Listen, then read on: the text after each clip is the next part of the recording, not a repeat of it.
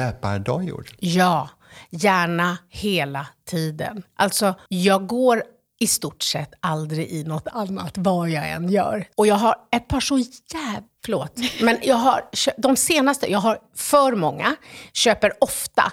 Och de senaste jag har, det är någon slags, och jag är ju inte alls en elitidrottare på det sättet, men jag har köpt elitskor. Och då är det någon slags modern grej med någon ny kolfiber, tjoho, och jag känner att jag studsar fram.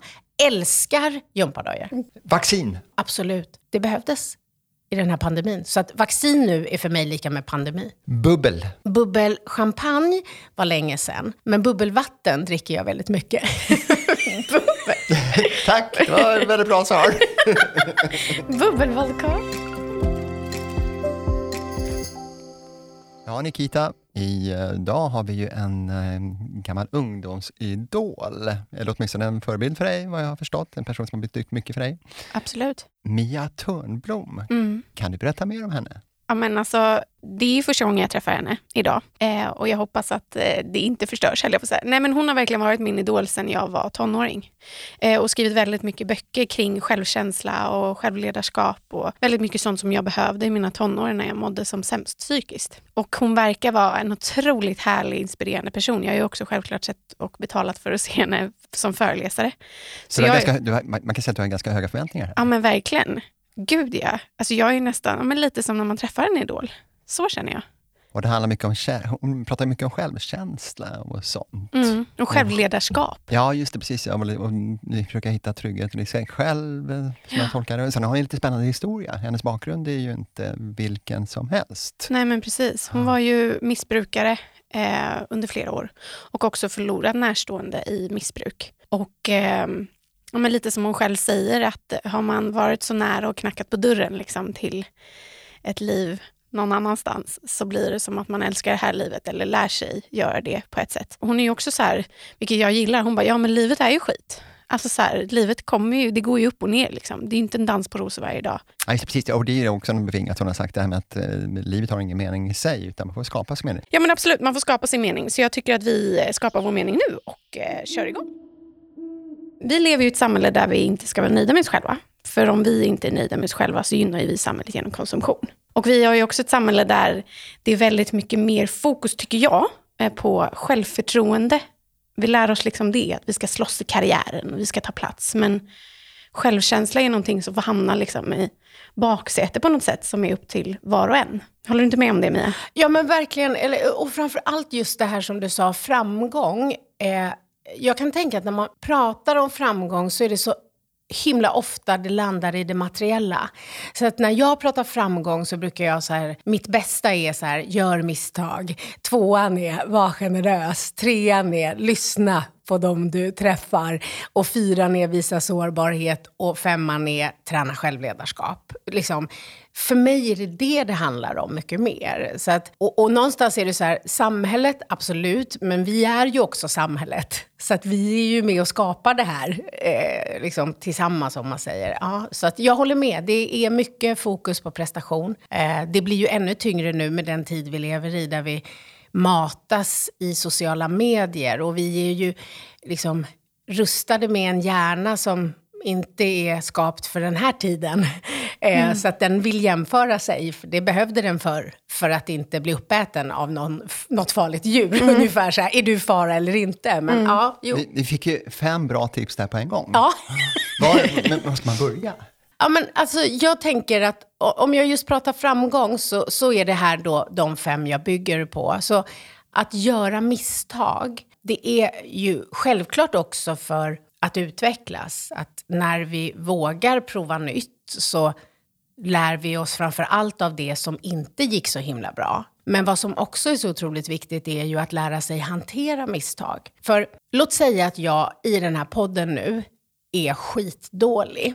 Då är det naturligt att jag då på något sätt försöker fly, fäkta eller spela död. Antingen så försöker jag säga till er att så här, ni får inte sända det här.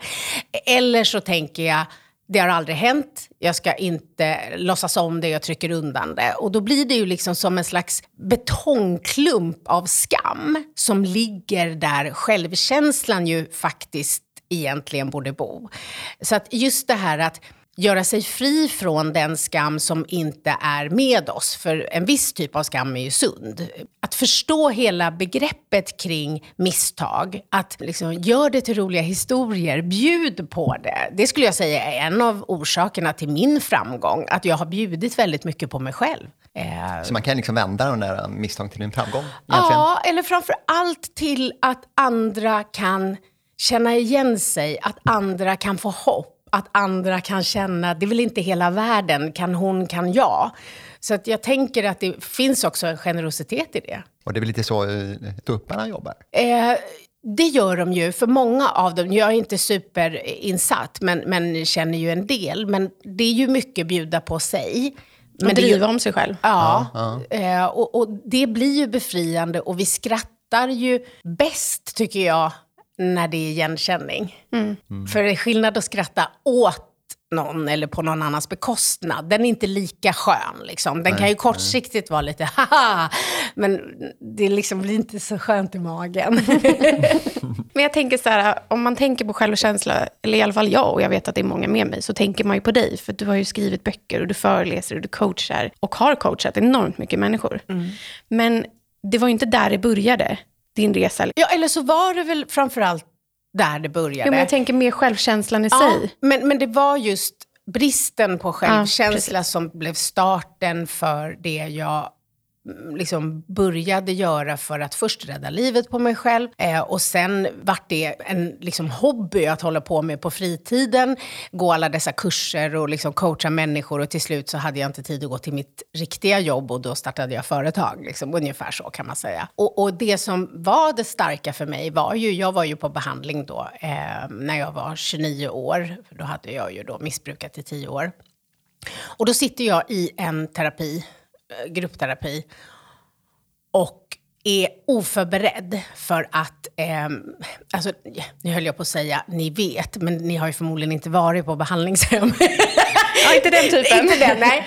Eh, så att, eh, och det som är då, det är att man, varje grupp är ofta en person i centrum. Och jag visste att idag är det inte min dag, för det hade det varit dagen innan. Så att jag hade till och med så här målat mascara och liksom visste att jag kommer inte gråta idag. Och det var bra för att jag jag är ganska snabb, så även om jag ville verkligen ha hjälp så hade jag otroligt mycket försvar som jag inte knappt hann med själv att de fanns där. Liksom, som, det är ju överlevnad. Mm.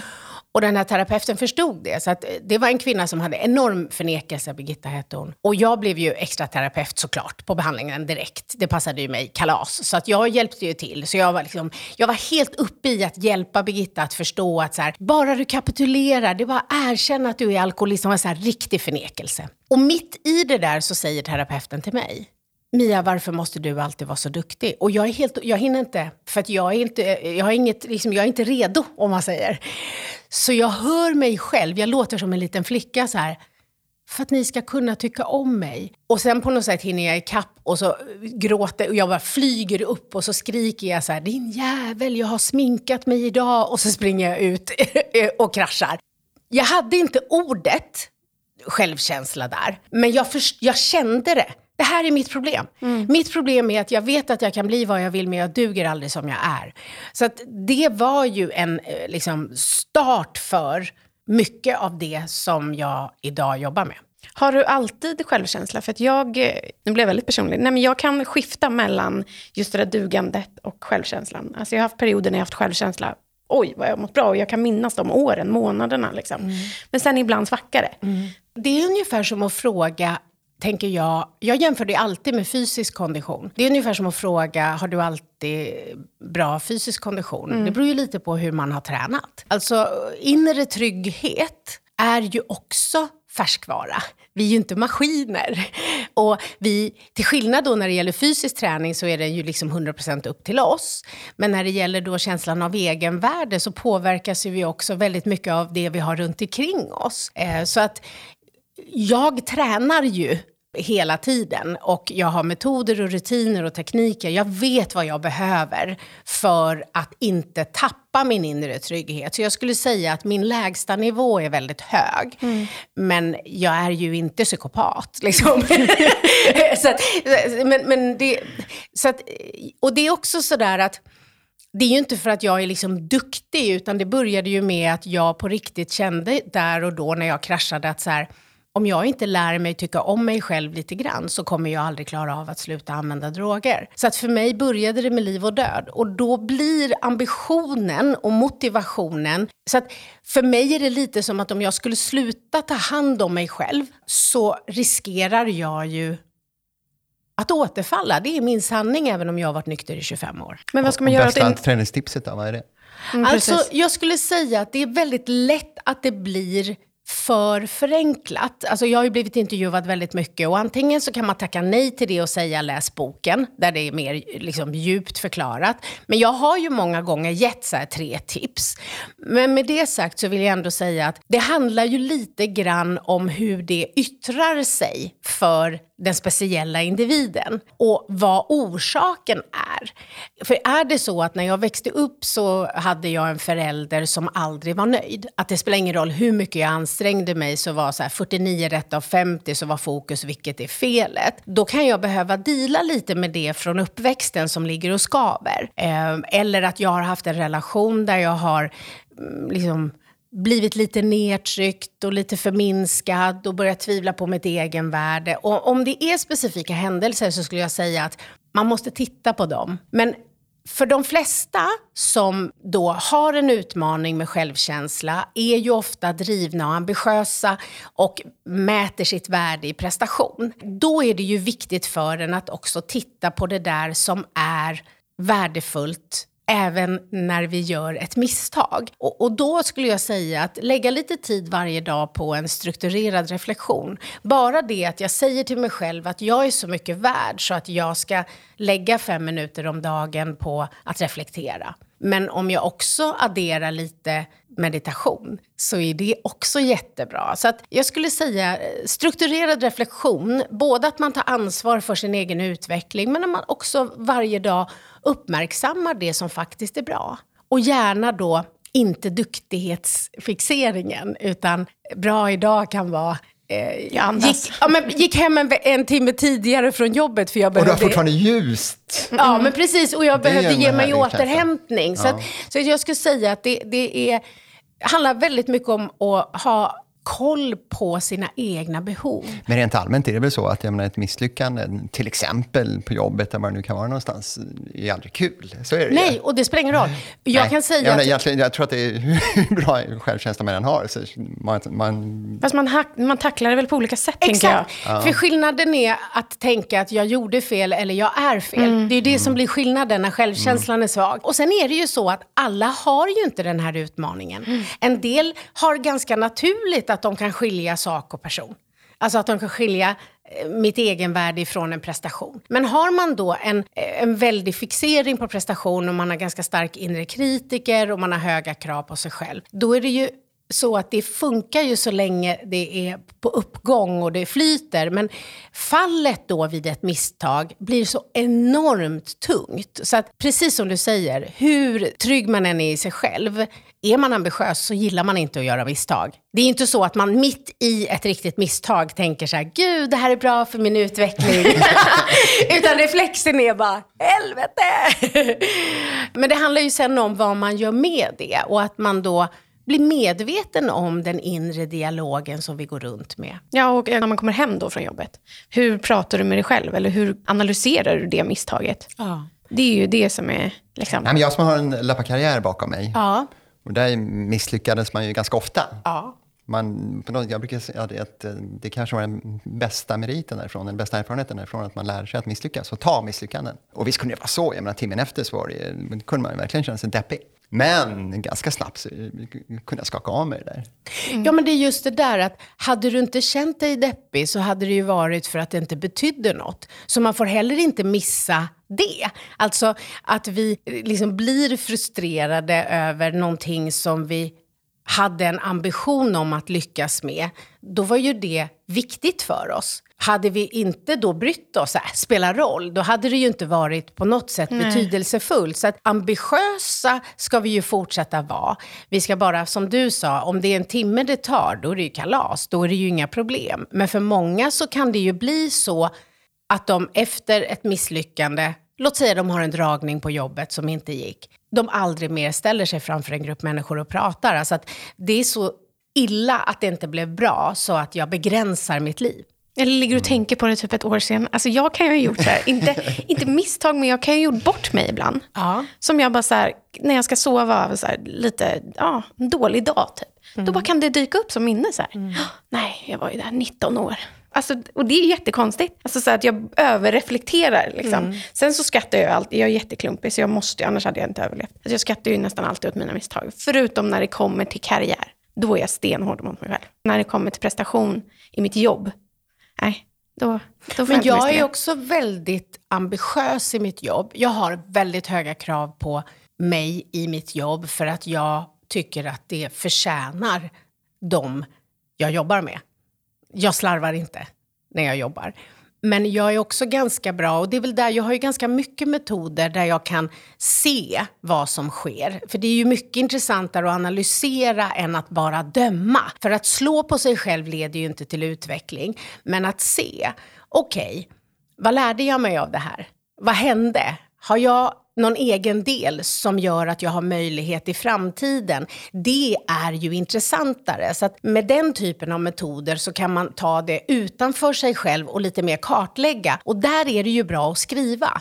Därför då får man ju på något sätt ur det och framförallt också prata med andra. För när vi är ensamma med ett misstag så för varje gång vi repeterar, det heter ju så här resentment när man stör sig på engelska, det är så bra för det heter re, alltså så att repeat. Och, och för varje gång vi ältar något så blir det ju större och större och till slut så är det en helt ny historia. Liksom. De- De som var där, de bara, eh, nej. Men man har liksom tänkt sig till en katastrof. Ja. Så prata, skriva, distansera sig och att lära sig. Vi var ju inne på det i början, att eh, vi har ju en jämförelsekultur. Eh, för att, som du sa, vi är liksom byggda så på savannen. Ja. Men vad ska vi göra åt det? Finns det liksom något knep för att man ska sluta med det där Ja. Instagram? Ja, alltså jag måste säga att om man ser till att ge sig själv tid så att man inte fyller sitt schema till fullo och liksom har fem minuter och då bara tar upp telefonen och, och, och liksom glor på vad som står där. Utan att man har koll innan man tar upp telefonen. så här. Är det nu jag ska scrolla mitt flöde? Därför att om man är skör och, och lite ledsen och känner sig lite misslyckad, då är det inte ett bra självledarskap att gå in och bara det känns som att allt är kört och att jag är värdelös. Och så bara, vänta, vänta, hur kan jag göra det lite sämre? Jo, jag går in på Facebook och kollar hur perfekt alla andra har det. Så att det är ju att inte bara hamna där. Att förstå att så här, jag har ett ansvar för att leda mig själv. Och vi lever i en magisk tid också. Vi är ett klick ifrån all inspiration och kunskap som vi överhuvudtaget ens kan fantisera om. Men om vi inte har rätt mindset så blir det inte inspiration, det kan vara så illa att det blir depression. Och jag brukar liksom förenkla det, och så jag brukar säga att det handlar om att styra tanken, att uppdatera den här då jättegamla hjärnan med en punkt. Alltså att när man tittar i flödet så ser man, åh vad han är smart, punkt. Åh vad hon är briljant, punkt. Istället för, åh här sitter jag. Alltså att man får faktiskt träna sig i punkten. Så att det är ju inte rocket science på något sätt med självledarskap. Men det krävs ansträngning och där blir det en utmaning ibland för väldigt intelligenta människor som har en viss typ av intelligens. För dem blir det svårt, för det verkar för lätt. Och så tror de på något sätt att jag har förstått nu och därför är det över. Men det är det ju inte. Det är som att stå i starten liksom på ett maraton och inse 4,2 mil är långt, men jag har inte fått kondition bara för att jag har fattat att det är långt. Utan vi behöver träna sen. Det är också så, det är ingen som har gått till en personlig tränare på ett gym och bara så här, gud nu har jag varit här tio gånger, när är jag klar? Där har vi en förståelse för färskvara. Vi behöver fortsätta så länge vi vill vara starka. Och på samma sätt är det ju med att leda oss själva. Ja, verkligen. Men om man inte klarar de här delarna då och liksom ältar och man fastnar i de här misslyckandena och jämförelsekulturen. Och det i sin tur kan leda till, och kanske mycket ligger till grund för den här psykiska ohälsan som vi har i samhället idag. Ja, jag är övertygad om det. För att vi har ju inte haft en annan hjärna förr. Men när jag växte upp så, de jag kunde jämföra mig med var ju de som gick i samma skola och kanske en skola i, i, liksom, eh, ja, i orten bredvid. Men nu så är det hela ju världen. hela världen. Och det är eh, Kardashians och det är Zlatan och det är liksom... Det, det blir aldrig nog på något sätt. Så Nej, och, att och det är inte så många som lägger upp sina misslyckanden. Nej, och det vet man ju om, men ändå Ja, ja, så man jämför man om ju det. sig. Ja. Ja, det är det som är så himla... Hjärnan är så dum, tänker jag. Men, men det var lite det som jag var inne på i början av att så här, vi är så duktiga på vad ska man säga, lyfta självförtroendet. Att så här, okay, men prestera, springa marat. Alltså det är ett självförtroende som ger ut där på banan och kicken. Liksom. Medan självkänslan får sitta i baksätet. Och jag tänker så här, hade vi börjat med att ha typ självledarskap på skolschemat eller ja, så här jobbar du med din inre kritiker en kvart varje dag. Vi, men, alltså, du vet, så här, då hade vi byggt ett samhälle som bara så här, fan vad bra. Alltså på riktigt. Ja, men jag håller med. Och, och jag måste säga, eftersom jag ju har eh, då, sen jag blev nykter, jobbat mycket ideellt eh, med skolor och träffat fantastiska lärare. Och det är såklart att de jag träffar är ju de som vill göra annorlunda och så. Och, och stötta. Så att det har ju hänt mycket, men absolut inte nog. Och speciellt inte med att tiden vi lever i blir så otroligt utmanande för unga som växer upp. Eh, Men jag var ju 29 år när jag ens förstod, för det var ju det som var lite konstigt för mig. För jag har ju alltid haft ett starkt självförtroende och det har jag alltid vetat under min uppväxt. Eh, att så här, jag, jag blev fostrad till att tro på att jag kunde bli vad jag ville.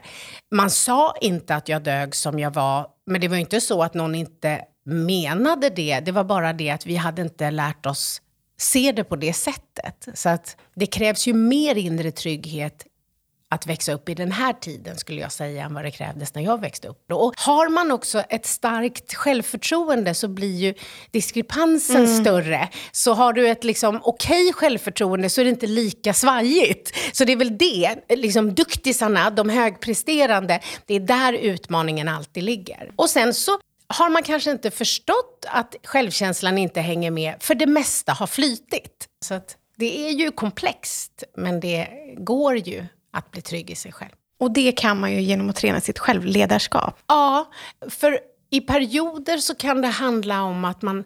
Alltså att, att jag varje kväll också tittar på vad var inte så bra idag och vad lärde jag mig av det?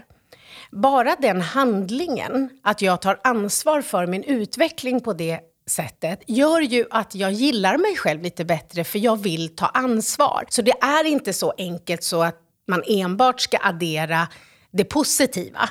Utan det handlar också om att ta ansvar för det. Men det handlar om att leva efter sina värderingar. Alltså om jag tycker att det är fel att prata skit om andra och gör det, då kostar det självkänsla. Det, det, är så att det är ju fler saker och det är därför det är så viktigt att se det som ett självledarskap. För det är fler saker som är där, men liksom självkänslan är, är ju det för många som har varit utsatt, speciellt de som vill utvecklas. För de lata hör ju aldrig av sig, eller köper ju aldrig såna här böcker, eller tycker liksom inte att det är något viktigt. Och då är det ju redan drivna personer. Ja, för jag gillar det namnet. Det är ju på något sätt som att så här, det är upp till mig. Medan självkänsla är lite både och. Ja, Förstår ni vad jag menar? Ja, och mycket är ju från barndomen. Det är Ja, klart att det gud, ja. påverkar. Eh, en del är personlighet också, och det märker ju människor som har flera barn. Att vi har gjort liksom, det vi har kunnat, de har haft samma föräldrar. En är helt nöjd med sig själv och den andra är aldrig nöjd. Så att det handlar ju om personlighet också. Ja, det är en kombination där. Ja, det är en kombination av personlighet, eh, den miljö vi har växt upp Så man i. kan liksom inte bara lasta föräldrarna. Man kan inte göra det. Och sen skolan. kan det handla om skolan också. Gud, För ja. jag menar, det kan ju vara tryggt hemma men man hamnade i en klass där man inte riktigt passade in. Och så ska man behöva vara där så länge och så mycket som man faktiskt är. Så fler saker spelar roll.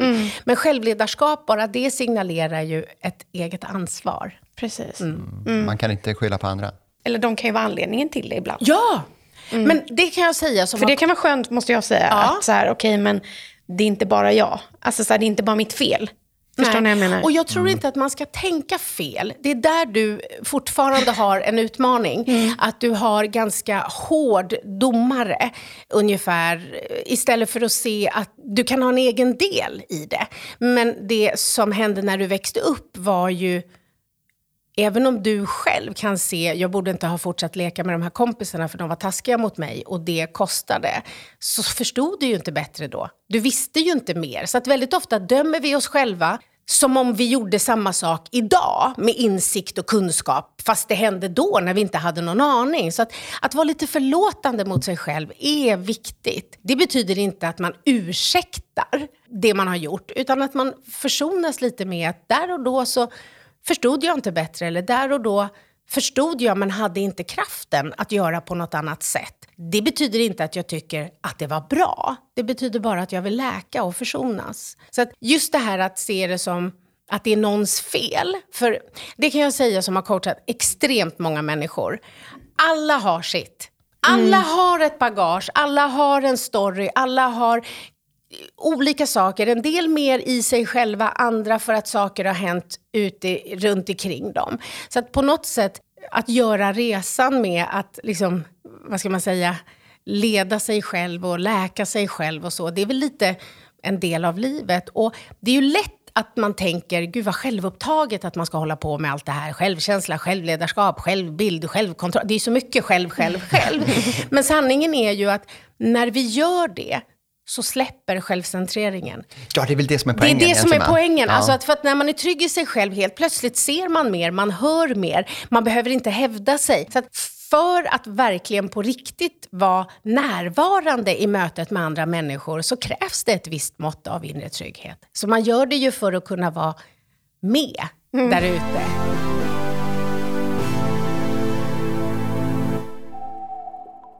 Sommar eller vinter? Sommar. Varför? Nej men värmen, ljuset, solen. Ja, mm. Mm. jag är bättre i sol. Hade du kunnat bo eh, i en annan stad, eller liksom land där det alltid är sol? Jag har precis köpt ett hus i Spanien. Oh, mm. Gud vad härligt. Mm. Mm, då förstår jag. Mm. Sång eller dans? Oj, men sång blir det nog ändå. Men jag sjöng mycket när jag var yngre. Gör inte det längre. Men egentligen är det nog mer min. Så att, eh, och dans, ja, nej, sång. Ja, sång. sång. I Spanien? Ja. Bok eller film? Film. Och ändå skriver du många böcker? Eller ja, du har skrivit väldigt det många. har inte kommit naturligt. Eh, och det är för att jag har förstått vikten av det skrivna ordet. Och jag läser mycket, men jag älskar att kolla på film.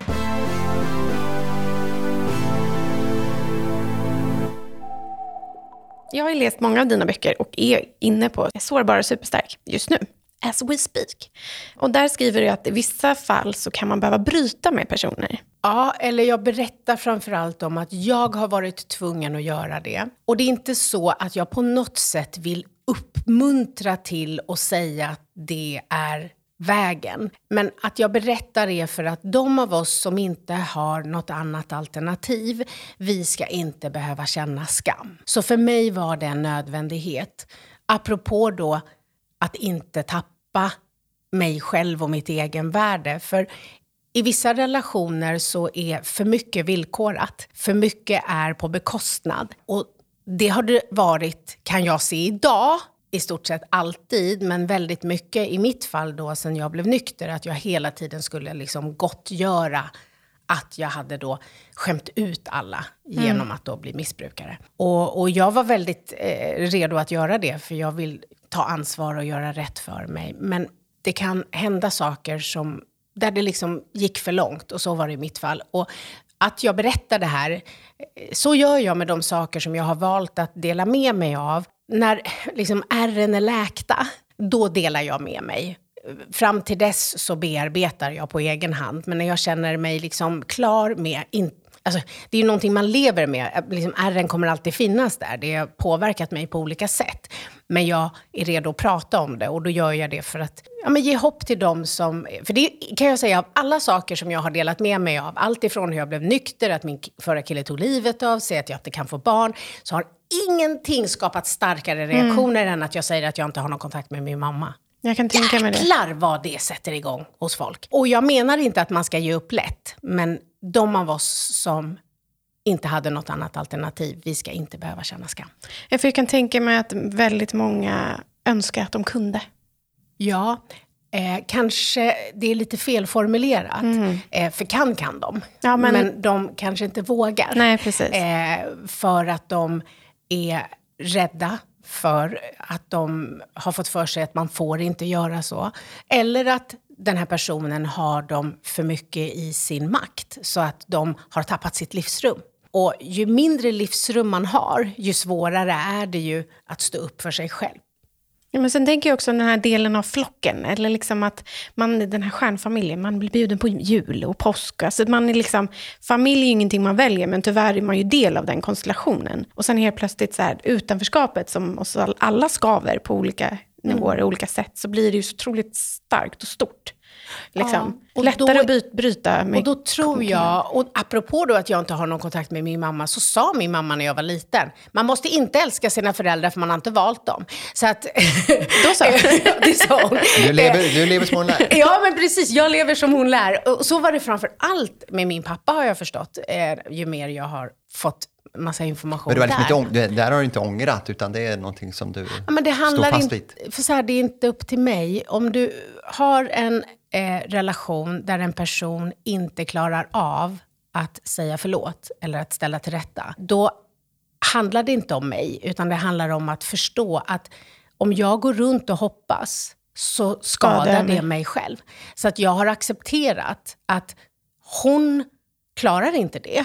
Och det är inte för att hon är ond, utan för att hon har sitt förflutna, sin historia och en väldig massa obearbetade saker. Så hon kan inte annat än att se sig som ett offer och göra om verkligheten. Och det här har ju fortgått hela tiden, men det som hände då var ju en stor sak som jag känner att jag inte ska berätta, för jag sitter ju på makten i form av att man är offentlig. Så det handlar liksom egentligen inte om min mamma, men jag vill berätta att så här, jag är inte arg på henne. Jag har sörjt och det är en sorg som jag lever med. Men jag har valt att stänga ner, lite dramatiskt brukar jag säga, jag har valt att döda hoppet genom att acceptera, så här är det. Men skulle min mamma komma till mig och säga förlåt, det skulle jag ta emot. Men det kommer inte hända. Så det är acceptansen också. Det är acceptansen, det är där det bor. Och det gör ju illa en ju mer man hoppas. Och här har jag väl lite, eller lite, jag har väldigt mycket nytta av de sorger och förluster och resor jag har gjort tidigare i form av att ibland se att här är det, det spelar ingen roll vad vi tycker om det och hur smärtsamt det är. Och jag landar inte i så här, det är orättvist. Eh, för liksom, ja, livet är orättvist. Det, det är ingen som har sagt att det är rättvist. Det finns liksom ingenstans att överklaga. Och jag tror också att, att jag har landat i den här acceptansen och bearbetat och sörjt och pratat och ältat och allt jag nu har gjort för att liksom, eh, på något sätt läka. Så gör det också att jag kan titta på allt det som har varit fint och vara glad för det. Men är hon i livet idag? Ja. Så chansen finns fortfarande. Fast det är det där. Det är det. Varför Det är det ska ska det vara... Det- man ska Fast- se det som en nej, men chans. alltså så här, nej, men för, grejen då är är- hoppet- Ja, men, men plus att jag känner så här, det räcker väl med det som var. Mm. Eh, och, och för att varför...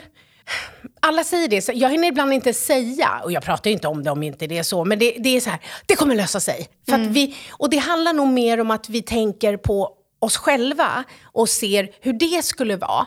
Men här är det en relation som har skadat mig ganska mycket mer än vad jag tidigare har tillåtit mig att se. Och jag vet inte vad poängen är med att det ska fortgå.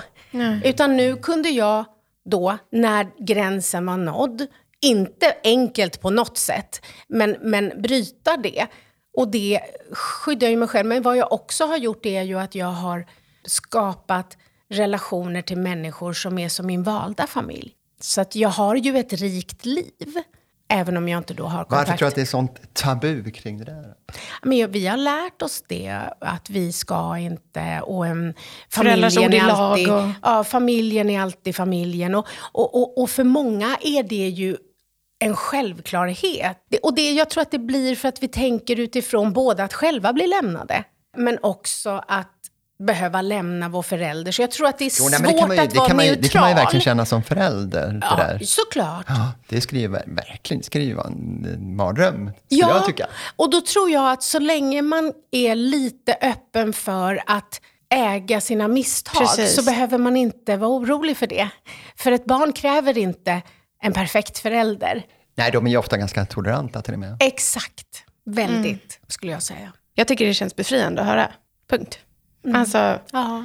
eh, för att... Ja, nej, men jag kan ju sörja alla relationer som går i kras. kan jag sörja. Men sorg är ju, alltså, det är ju så här, vi säger ofta jag beklagar sorgen, det är ju helt fel. Vi ska ju beklaga förlusten, för sorg är ju bara vackert. Alltså det är smärtsamt, det är hemskt och brutalt. Men ju starkare sorg, ju mer betyder någonting för oss. Så att sorg ska vi ju ha. Alltså det är en jättestor del av livet och det borde vi få lära oss i skolan. Alltså när jag coachar supersmarta människor så hör jag ibland så här, om jag dör. Det är det roligaste man har hört. Jag bara, ja men det kan jag lova. Det kommer hända. alltså vi har så lite erfarenhet av det så att jag tror att jag har då tack vare olika förluster som jag har behövt då eh, liksom bearbeta och, och lära mig att leva med och så, är inte så rädd för emotionell smärta. Så att sorg är det. Men ju mer jag kan landa i en acceptans, ju mer kan jag också minnas och värdesätta det som var fint. Men det får inte vara till vilket pris som helst. Jag tycker det är väldigt svenskt att vi pratar inte om döden. Alltså, Nej, i Mex- nej. Är det inte Mexiko där de liksom, det är ju världens fest. Alltså, dö, det firar, det är kultur, det är liksom allt sånt. Men i Sverige det är så, det är så mörkt och grått och slimigt, höll jag på att säga. Alltså att ta i det på ett sätt. Men apropå att ta i sorg och allt och skam och skuld, för du pratar väldigt mycket om skuld och skam och allting sånt. Så varför är det så viktigt att visa sig sårbar? Därför att vi blir starka av det. Om jag är så rädd för att bli avvisad eller uppfattad som korkad eller fel eller så, så, så kommer jag gå runt och vara hela tiden liksom spänd och inte riktigt närvarande. Jag blir inte trygg av att undvika sårbarhet, precis tvärtom. Och det kan ju vara i det lilla. Alltså att ni ställer en fråga och så använder ni ett ord som inte jag kan. Antingen kan jag ju då låtsas att jag förstod och, och liksom dö, dö, dö. Eller så kan jag säga, ja, vad betyder det? Det är sårbarhet, för då kan ju ni, men herregud varför bjöd vi in henne? Hon har ju inte ens koll på baskunskaper. Så att just det här att våga så här, jag förstod inte, jag kan inte, jag vet inte, jag behöver hjälp. Eller till och med också, vill du ha min hjälp? Alltså att erbjuda en person sin hjälp med risk att bli avvisad det är också sårbarhet. Och det gör oss trygga när vi har vågat vara oss själva. När vi visar oss sårbara så vi på riktigt kan möta andra människor, annars blir det en teater. Och det tycker jag att vi märker något positivt i och med pandemin i två år. Att vi har vågat berätta lite mer hur det är. Inte den här liksom Ja, det är alltid bra. Nej, utan nu har alla eh, så här, jäklar det är tufft, eller jag tycker att det är svårt att hålla uppe, eller jag sitter hemma och jobbar och min partner har blivit uppsagd, jag vet inte riktigt hur jag ska hantera det. Jag skäms över att jag ibland blir arg, men det är klart jag förstår att liksom, hon har det tufft. Alltså, vi pratar mer på riktigt. Ja, det är faktiskt sant. Det har jag inte tänkt på, men det gör vi ju. Då skulle man kunna tycka tvärtom med tanke på att man sitter bakom en kamera. Men En dator. Ja, men eh, jag jobbar ju mycket med teamutveckling och ledarskap. Det är ju det som är mitt liksom, riktiga jobb. Och, och jag träffar ju bara ledare som är, vill vara bra ledare. som, som, som inte tänker så här, jag bestämmer Det är inte så anställda det. som Nej, ber de, dig de, komma. andra, de andra ringer liksom inte. Alltså, du träffar Eh, ledare som vå- vågar visa sig Exakt. sårbara. Ja, men framför allt som har en ambition om att ge sina medarbetare det bästa ledarskap de kan. Och, och då behöver man ju förstå vad händer med människor i ovisshet. För det är det som har varit det tuffaste med pandemin. Hade vi vetat, det här kommer pågå så här lång tid, det kommer innebära det här. Det hade varit lättare att hantera, men mycket som har slitit är ovisshet. Vi är inte så rustade för det. Och också att lära sig ny teknik, att förstå vad som är vad. Så att mm, ganska snabbt så började ju de som jag jobbar med, att man hade sån här incheckningsrundor. Innan man bara pratade om sakerna, att man hade utcheckning, att man började ha, alltså man, så här, och, och hjälpa varandra. Hur gör ni? Ja, men jag går ut och går lite på morgonen innan för att vara i rätt tillstånd. Man, man, liksom, man började prata mer utifrån behov.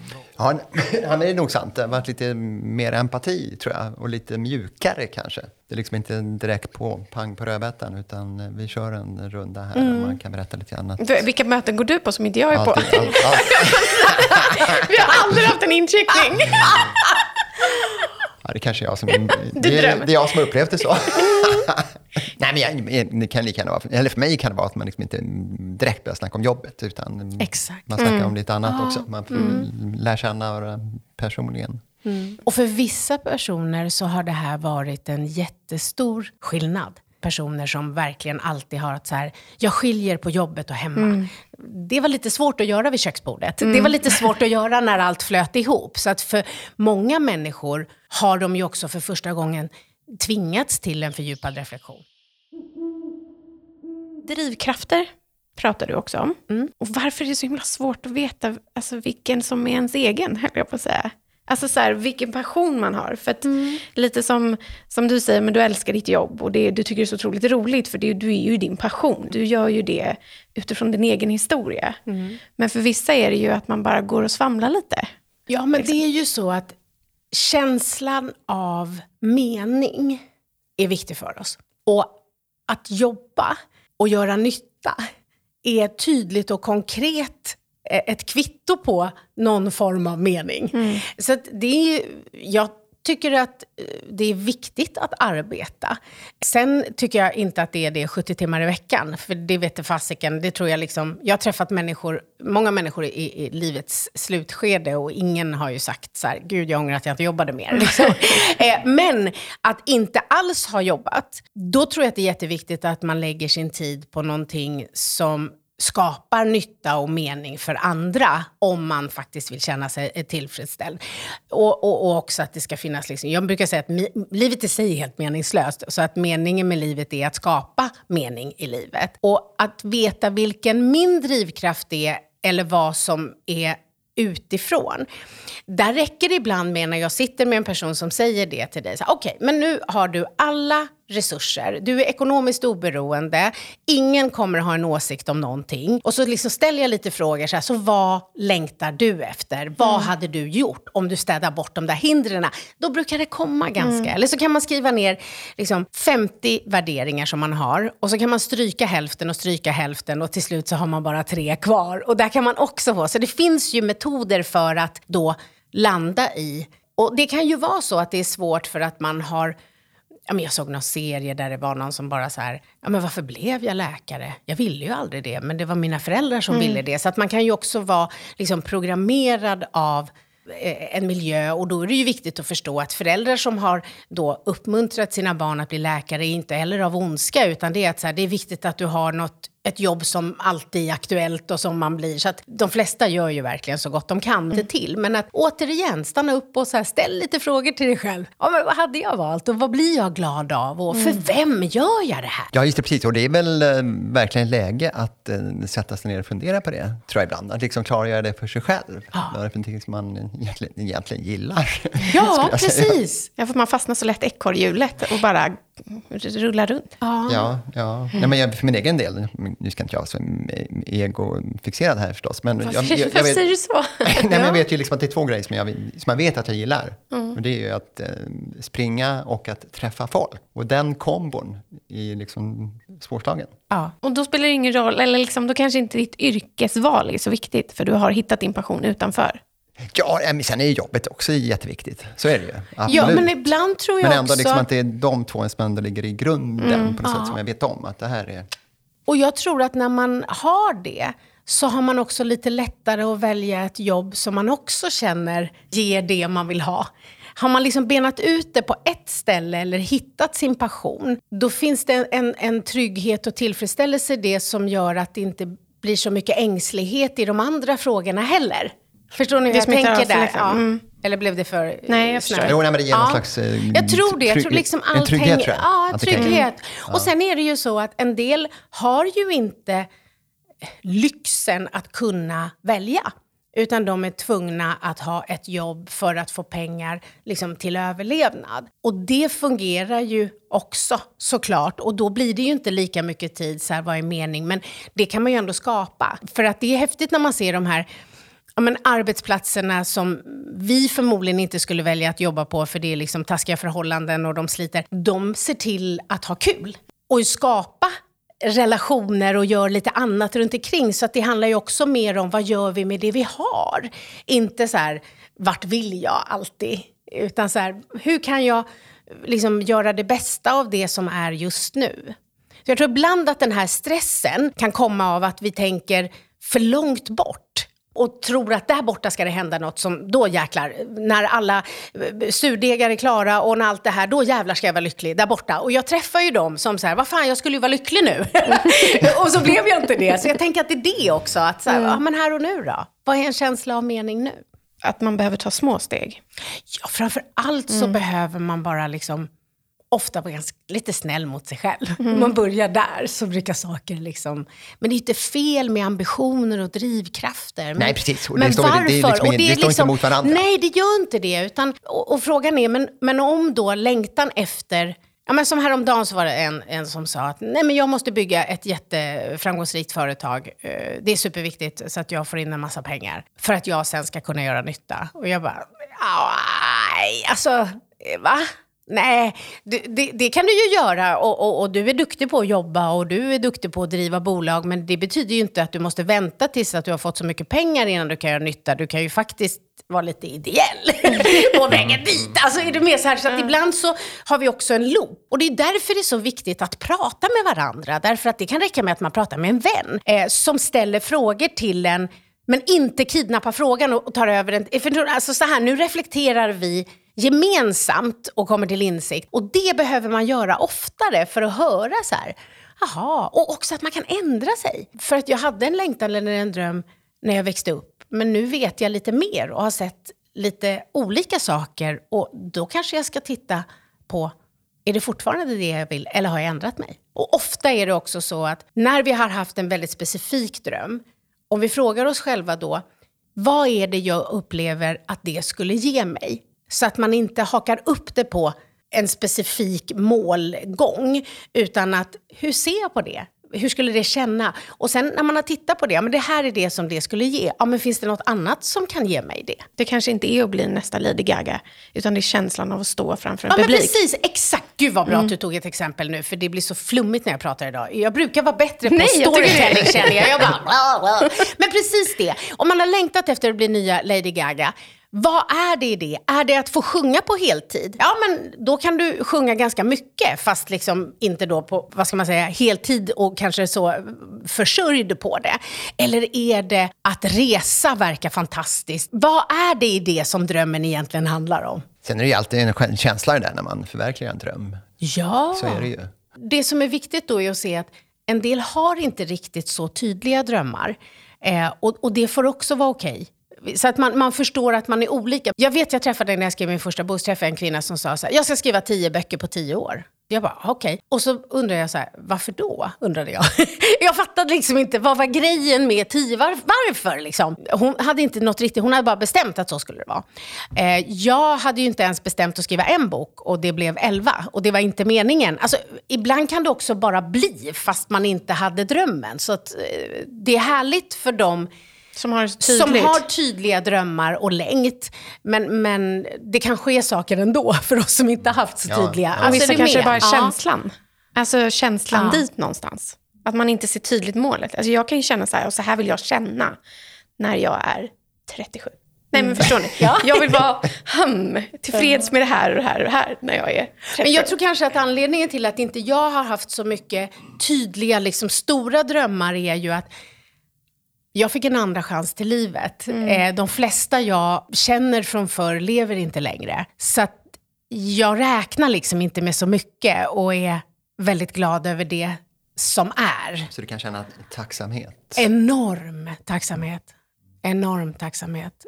Um, och speciellt också om jag tänker på allt som bara har möjliggjorts för mig.